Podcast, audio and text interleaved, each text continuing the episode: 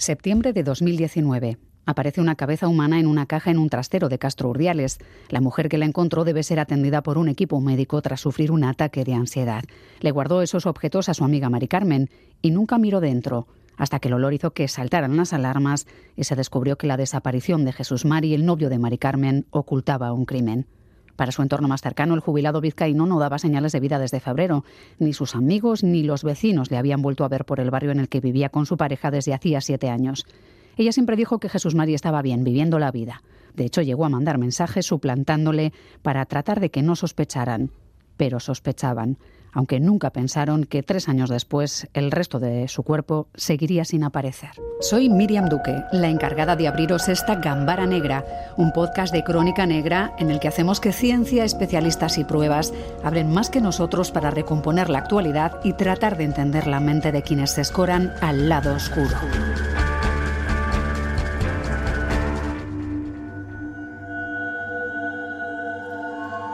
Viernes noche del 27 de septiembre de 2019 en Castrurdiales, Cantabria. Una vecina de la localidad, en estado de shock, llama a las autoridades. Extrañada por el fuerte hedor que emanaba de una caja que guarda en su vivienda, la ha abierto y en su interior, envuelto en papel de periódico, ha encontrado un cráneo humano. La caja, según contó, se la había dado en marzo una amiga, Carmen Merino, una sevillana de 62 años afincada en Castro. Le había dicho que contenía juguetes eróticos y que como su pareja sentimental, un bilbaíno jubilado, estaba en paradero desconocido, no quería que la Guardia Civil encontrara estos juguetes sexuales si efectuaba un registro en la vivienda que ambos compartían. Llevaban juntos siete años, comentaba una vecina. Sé que es que antes vivía con su antigua mujer y con sus hijos se separó y conoció a esta otra señora por lo menos hace siete años del bilbaíno Jesús María Baranda, ex empleado de banca de 67 años, no se sabía nada desde febrero. Según Carmen Medino, se había ido de viaje. Los amigos de Baranda habían recibido unos supuestos WhatsApp suyos en los que decía que estaba bien. Sin embargo, la familia recelaba e interpuso una denuncia por desaparición. Carlos, primo de Jesús María Baranda. Dijo que había ido de vacaciones a Galicia, pues nosotros no lo creímos, pero ya llevábamos un tiempo, un tiempo que pasaba, que pasaba, el juez dijo que era una marcha voluntaria porque llamó a declarar a ella y matarle no me lo explico porque es una persona buenísima y a ella la tenía en palmillas. Tras el hallazgo del cráneo, la Guardia Civil detuvo a Carmen Merino y por orden judicial ingresó en prisión provisional sin fianza en la cárcel del Dueso, donde espera la celebración del juicio. Las evidencias encontradas en casa de la pareja, restos de sangre, dinero escondido en un sillón, compra de un par de sierras, apuntaban a un crimen macabro. La autopsia realizada al cráneo reveló, entre otras circunstancias, que tenía un golpe en la nariz con pérdida de masa ósea y dos detrás de la oreja izquierda. El resto del cuerpo de Baranda no se encontró. La Fiscalía pide para Carmen Merino 25 años de prisión porque le acusa de matar a Jesús María Baranda con un golpe en la base del cráneo y por la espalda. La familia de la víctima solicita prisión permanente revisable. Abogada de la acusación. Obviamente preocupados y lo que quieren es que se depuren las responsabilidades penales oportunas, sin duda. La defensa de Carmen Merino pide su libre absolución. La acusada siempre ha negado los hechos. Sobre la caja y su contenido se limitó a decir en la fase de instrucción que alguien la dejó delante de su casa y que decidió quedársela porque era el único recuerdo que iba a conservar de él.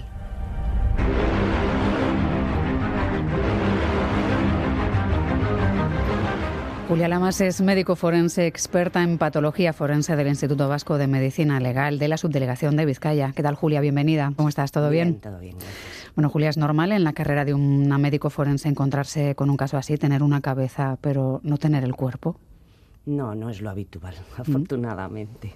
Eh, Julia, ¿qué puede decirnos de lo que ocurrió un cráneo? Una puede saber en una morgue si los golpes eh, que se ven ahí reflejan el golpe que ha recibido en vida o, o pueden deberse a los que se dan post-mortem cuando uno intenta desmembrar un cadáver. Bueno, primeramente eh, hay que proceder al examen externo del, cráneo. En este caso, eh, hay que tener en cuenta también si existen partes blandas, o sea, piel, o no existe, o ese cráneo está desmembrado, que le han quitado las partes blandas. En el caso que hubiese partes blandas, y depende de la, de la evolución y la data de la muerte, de cómo se encuentre mm, en relación a los procesos que se inician de la putrefacción, ¿no?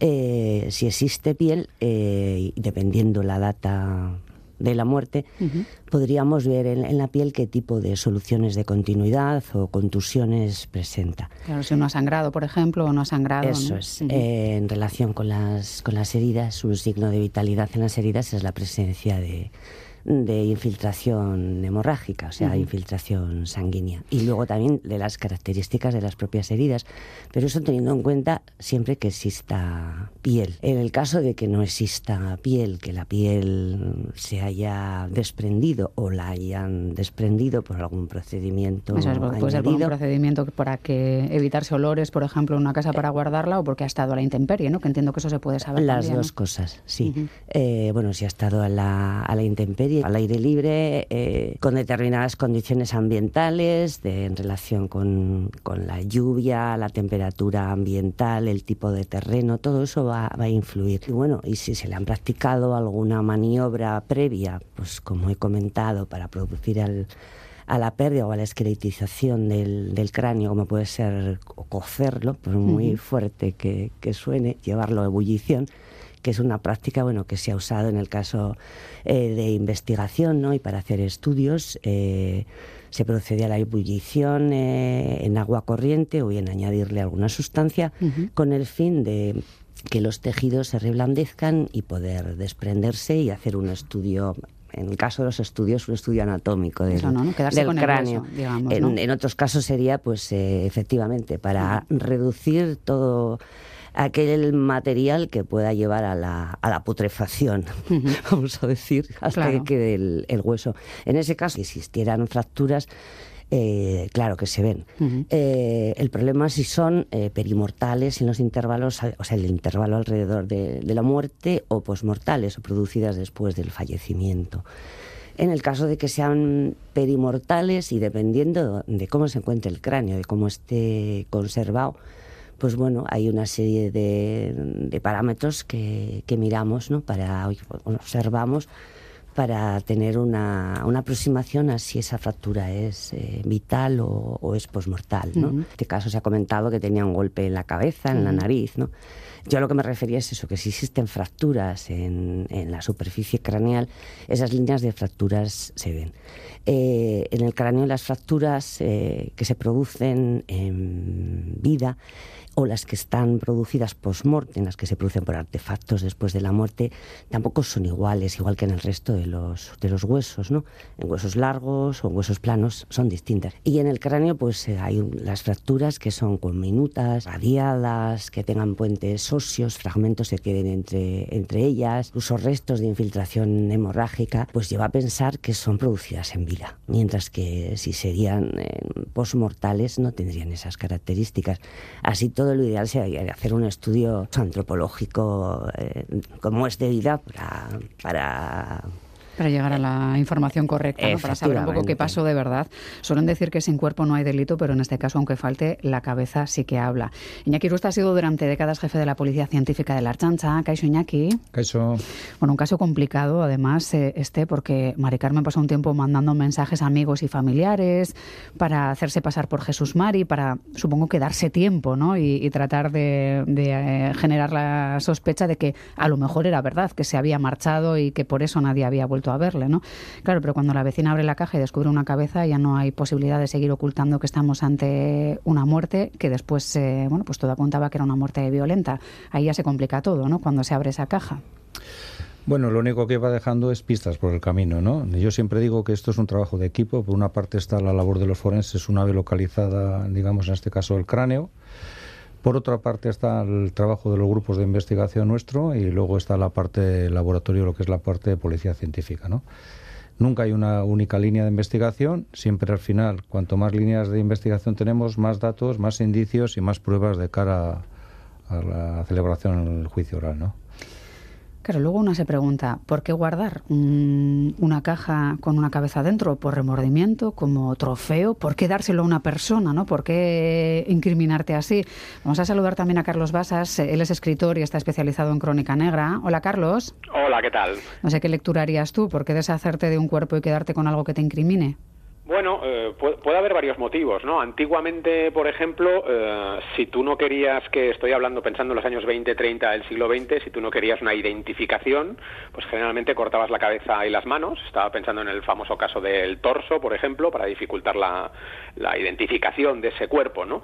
Pero si no, pues depende del, del, tipo de delincuente, ¿no? Hay gente, hay delincuentes, asesinos en serie, psicópatas que guardan trofeos, otros que, bueno, pues sencillamente puede ser ese afán de incriminar a otro para que aparezca ese cráneo. No lo sé, habría que eh, analizar el perfil psicológico de, la persona que realiza esa, esa, decapitación y que guarda ese cráneo. ¿no? Jeffrey Dahmer también era aficionado a guardar, él de hecho lo servía en su casa y guardaba los cráneos blanqueados de, sus víctimas como en ese caso trofeo también, ¿no? Con lo cual puede ser debido a, a varios factores. Mm. que claro, tenemos la opción de guardar la cabeza para que se tarde en, localizar la, identidad de esa persona, pero claro, dejárselo a otra persona no parece lo más correcto. Una de las líneas que puedo pensar que le hace entrega de ese cráneo que hasta ese momento lo tenía ella en su vivienda es que cada vez estaba siendo más cercada también. En este caso la investigación avanzaba y ella de alguna manera detectaba que ya la entrada de registro se iba a producir, como posteriormente se produjo, y pues si me encuentran con esto, lo voy a dejar a casa de mi amiga, de alguna manera me desprendo de ello y a ver si puedo despistar, ¿no? Pensando que con ese lavado que hizo de la vivienda, pues era difícil de detectar. Hoy en día eh, ha avanzado mucho las técnicas que nosotros utilizamos, independientemente que hubiese sido hubiese utilizado un lavado, pues eh, yo no digo que es fácil, pero que sí, sí quedamos con ellos, como muestras de sangre, pelos y demás elementos. Se trabaja todo con fuentes de luz, habiendo desaparecido todo el tema de reactivos y demás prácticamente, con lo cual es más factible la localización de esas evidencias biológicas en un escenario que supuestamente ha sido limpiado. Claro, si junto al cráneo se localizan las tres primeras vértebras, eh, por ejemplo, Julia, y estas presentan señales de que se ha intentado seccionar la columna vertebral y separarla del cuerpo, ¿cómo de complejo puede ser determinar el arma que se ha utilizado? ¿Un cuchillo, un hacha, el, el arma más o menos que encaja? Porque entiendo que luego cuando se procede a hacer la la visita y esa investigación en in situ se buscará también las armas que más encajen con lo que a los forenses os parezca el arma del crimen, ¿no? O lo más parecido, ¿no?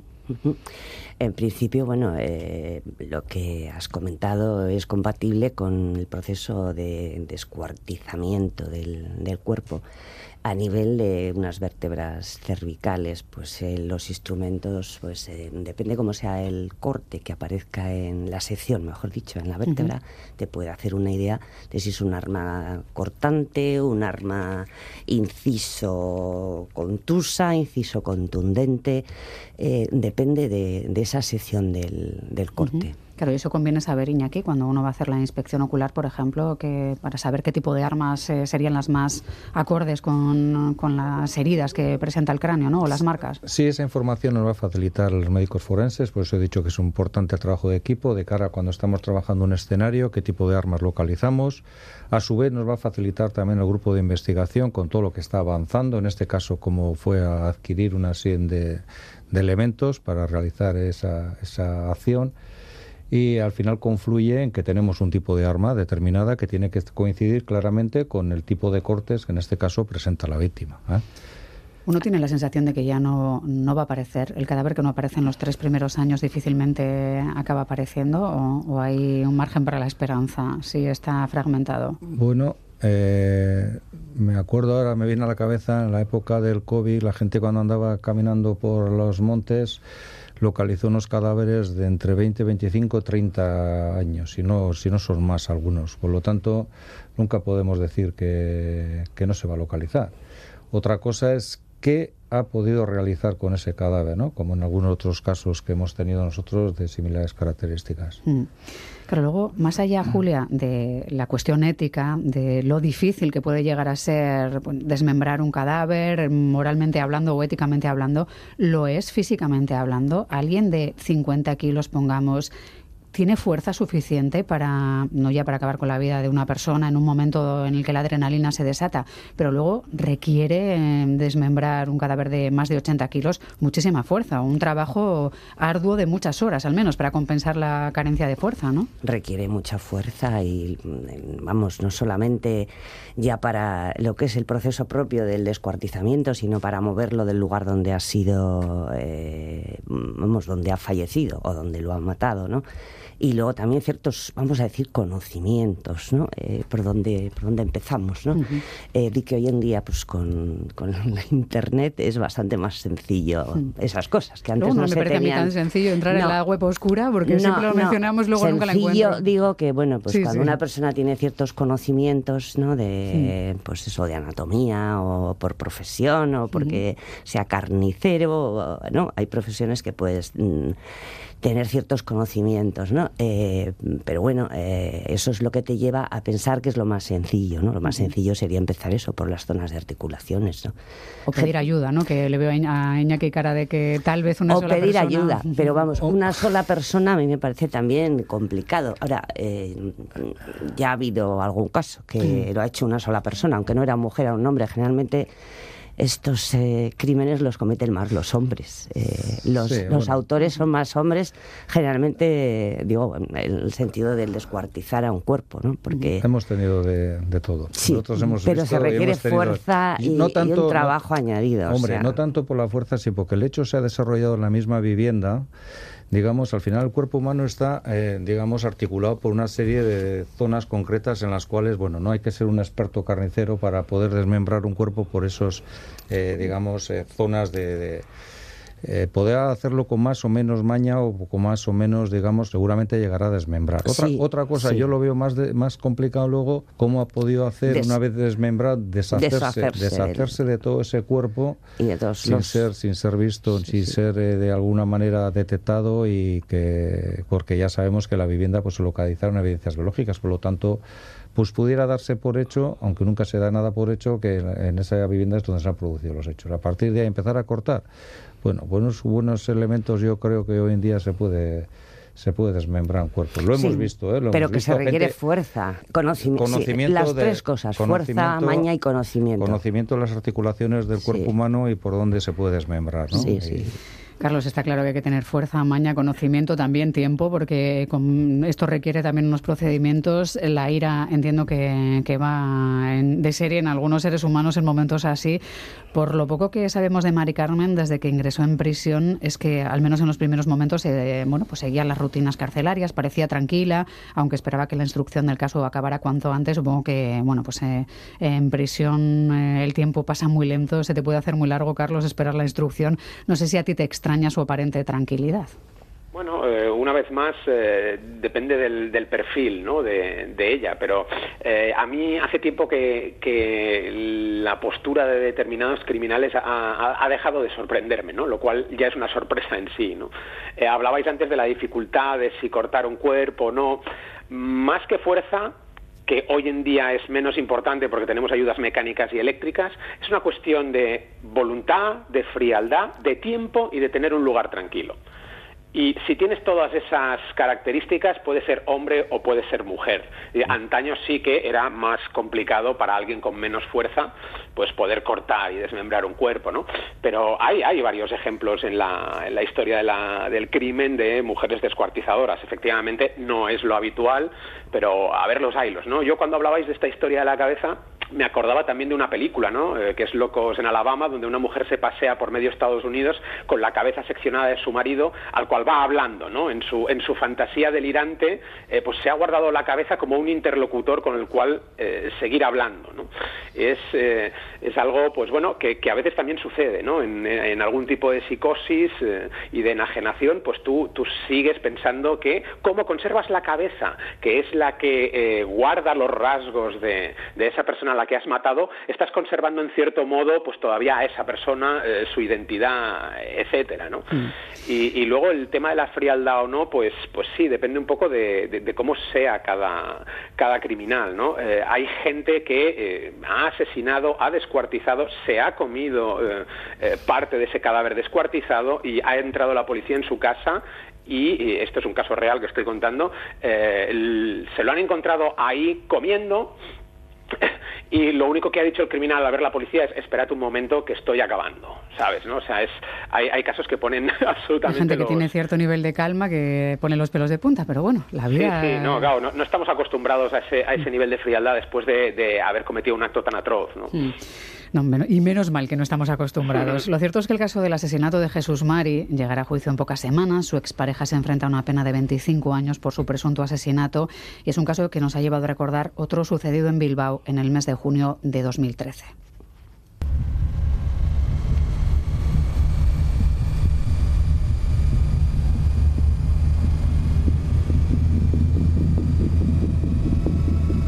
El caso de Juan Carlos Aguilar, conocido como el del falso Saolín, pero que en numerosas ocasiones habló en televisión de lo que suponía para él este nivel de control de cuerpo y mente. Lo que intentamos hacer con el cuerpo, llevarlo a un límite de trabajo para poder conocer la parte más profunda de nuestra mente. La, idea es que cada uno de nosotros evolucione personalmente y que conozcamos nuestra verdadera naturaleza y no lo que, lo que los demás dicen de nosotros o lo que yo creo que soy.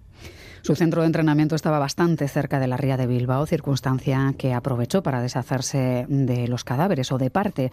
Al menos dos mujeres que no eran elegidas al azar a Maya Zabala eh, entraban dentro de la situación de víctimas de este hombre. Reconstruían el caso en el lector de huesos. Era imposible imaginar que tras aquella apariencia sosegada como maestro Saolín se escondía un psicópata, un psicópata que disfrutaba dominando a mujeres indefensas hasta llegar a matarlas. Vi una persona de que estaba pidiendo auxilio y que otra persona la agarraba del, del pelo y la bajaba para abajo. El falso monje utilizaba el budismo, el karate y el kung fu para captar mujeres. Dos de sus víctimas terminaron siendo asesinadas en 2013. Incluso llegó a descuartizar a una de ellas en su gimnasio y en pleno centro de Bilbao. En el escenario del crimen hallaron una víctima agonizante y restos humanos dentro de bolsas de plástico. Iñaki Rusta, jefe de la Policía Científica, analizaba el caso en el programa El lector de huesos. Vamos a la zona del tatami y nos eh, llega un olor nauseabundo, putefacto. Nos encontramos unas bolsas que al proceder a su apertura tienen un cráneo. No eran víctimas elegidas al azar, todas ellas le eran conocidas por moverse en su mismo itinerario. Aguilar siempre frecuentaba las mismas calles del centro de Bilbao. Escogía a la víctima con cuidado, todas ellas mujeres vulnerables, inmigrantes de un nivel socioeconómico muy bajo, una mujer a la que consideraba una presa fácil. Así lo contaba uno de los agentes de la Arzainza que investigó el caso. Contaba con cientos de imágenes en las que se le podía ver manteniendo relaciones sexuales con distintas mujeres. Las mujeres parecían estar muertas. Su magnetismo cautivó a cientos de estudiantes, también a los medios de comunicación, pero su condición de monje y sus títulos de campeón de kung fu resultaron ser una ficción. Iñaki, recibís el aviso de que se ha producido un asalto, entráis al gimnasio y va siendo evidente por el olor que algo grave ha ocurrido en el interior y algo además que se confirma pues en cuanto empezáis a mover el tatami, ¿verdad? ¿Cuántas bolsas con restos humanos se, llegan a localizar en el interior del gimnasio? Bueno, lo primero que nos llama la atención cuando accedemos al gimnasio era eh, la estrechez del, digamos, del acceso al mismo, unas escaleras eh, menos de 50 centímetros, con lo cual da una idea del tipo de acceso a ese gimnasio y no tanto no tanto el olor sino eh, la distribución del gimnasio. Cómo estaba todo distribuido con paredes con cerramientos. Aquello la verdad es que era era un escenario eh, complejo que yo los años que he estado en mi carrera profesional pues eh, no, no, no me ha tocado nunca vivir. Más que nada porque no sabíamos que nos encontrábamos ahí. Todo eran prendas de mujer un escenario en el cual había que trabajar y, analizar pues cientos de, evidencias para ¿Había saber armas también más que armas tenía el tipo de cuchillos, katanas, eh, rotaflés, pues determinados elementos que luego posteriormente pudimos determinar que fueron usados para hacer el desmembramiento del cuerpo de una de las víctimas. ¿no? Y es más, a él le localizamos en uno de esos habitáculos, que para acceder al mismo había que acceder a través de una fuerza, unas poleas y demás y ahí a partir de ese momento nos dimos cuenta que aquello teníamos que mirar y de hecho creo que estuvimos ahí 10 días o más trabajando en el mismo. Se queda la sensación de que uno eh, se había ido construyendo una suerte de guarida en lo que había sido un gimnasio, ¿no? Añadiendo nuevas estancias o espacios cerrados. Eso es, de día tenía como una tapadera, como un gimnasio normal, al cual accedía gente después de Bilbao y de las inmediaciones, me imagino pero luego ya a la noche salía como, como a la caza, ¿no? El mm. tipo de... Él tenía luego de, ubicado dentro del propio gimnasio su lugar o su habitáculo en el cual controlaba todo el escenario de, digamos, del gimnasio y a partir de ahí es donde procedía pues eh, a hacer las grabaciones y demás cuestiones que hacía con las víctimas, ¿no? Tras la inspección ocular, supongo que es el turno de los forenses. Julia, ¿cómo se procesó aquel escenario en, vuestra morgue? ¿Cómo, ¿Cómo, estaban los restos? Porque no sé si fue fácil sacar las huellas de la mano, por ejemplo. ¿no? Sí, sí, se sacaron. Mm. Sí, aparecieron, bueno, eh, aparecieron. Nos trajeron distintas bolsas de, custodia, eh, estaban numeradas, obviamente, y en cada bolsa había distintos fragmentos así recordando por encima recuerdo que esta, aparecieron las dos manos eh, se pudo sacar la, la huella, los dos pies cortados a la altura del, tobillo, un fragmento de, cuero cabelludo con un pelo negro rizado, un fragmento de, toras con alguna parte de costillas, la pelvis está seccionada, pues eh, lo que es justo, vamos a decir, por debajo del ombligo y hasta la zona, pues, eh, pubis, del pubis, sí y bueno, pues no quedaban restos de, músculo y bueno, y, lo que es los huesos de la, de la pelvis y luego fragmentos de huesos pues de fémur, de huesos de las extremidades superiores.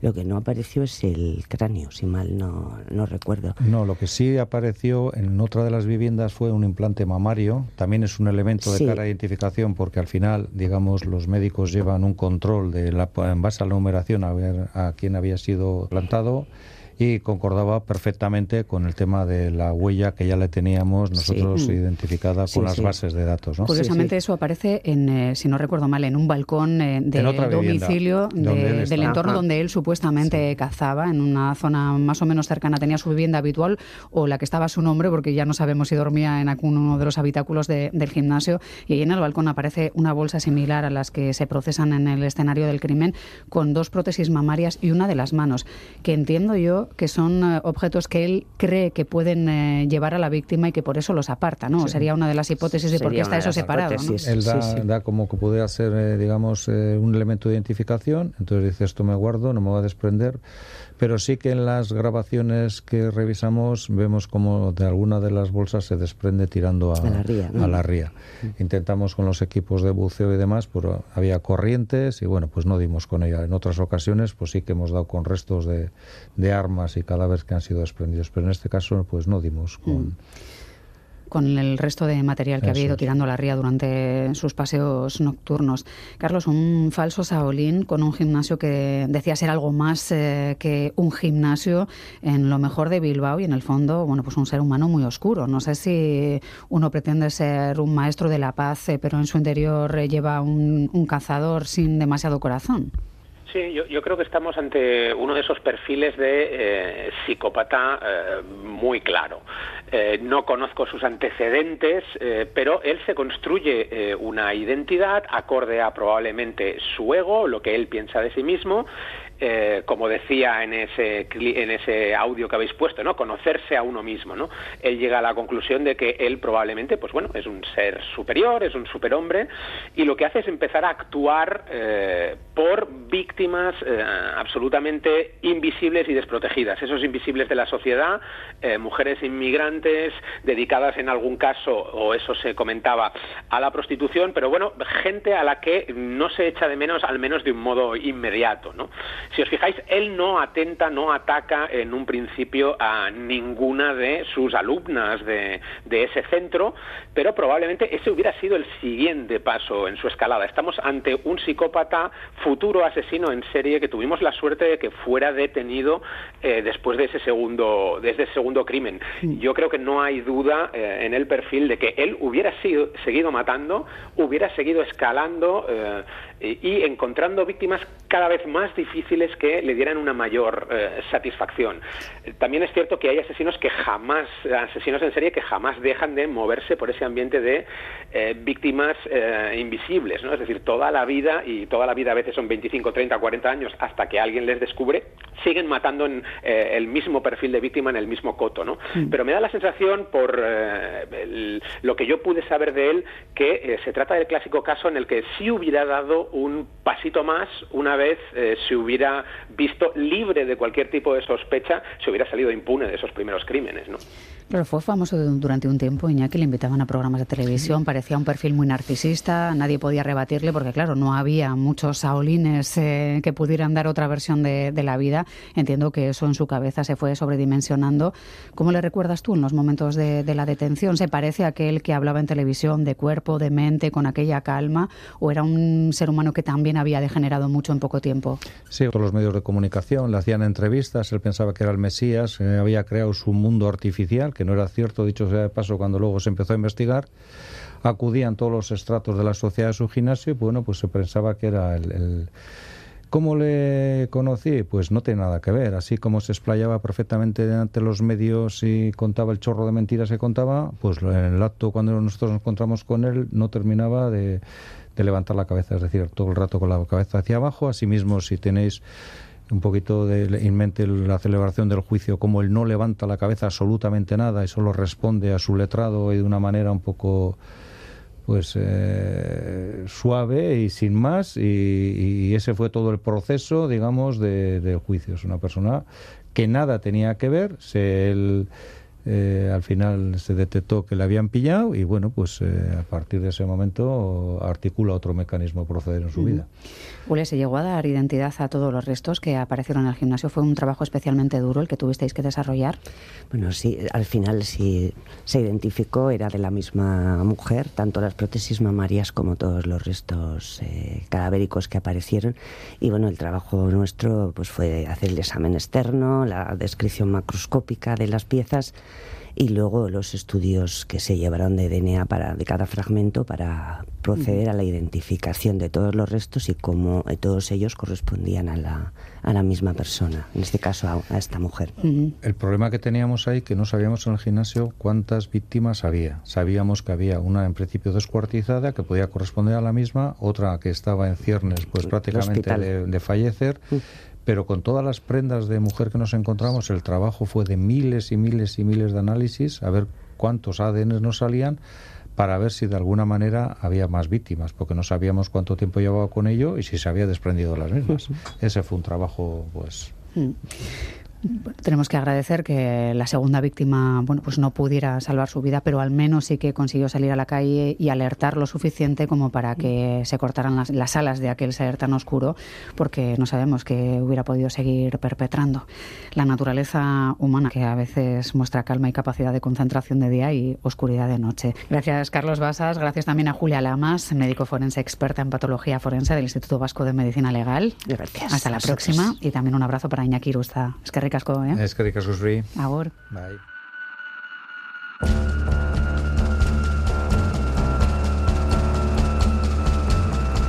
Gambara Negra, el podcast de crónica negra e investigación de EITB Podcast.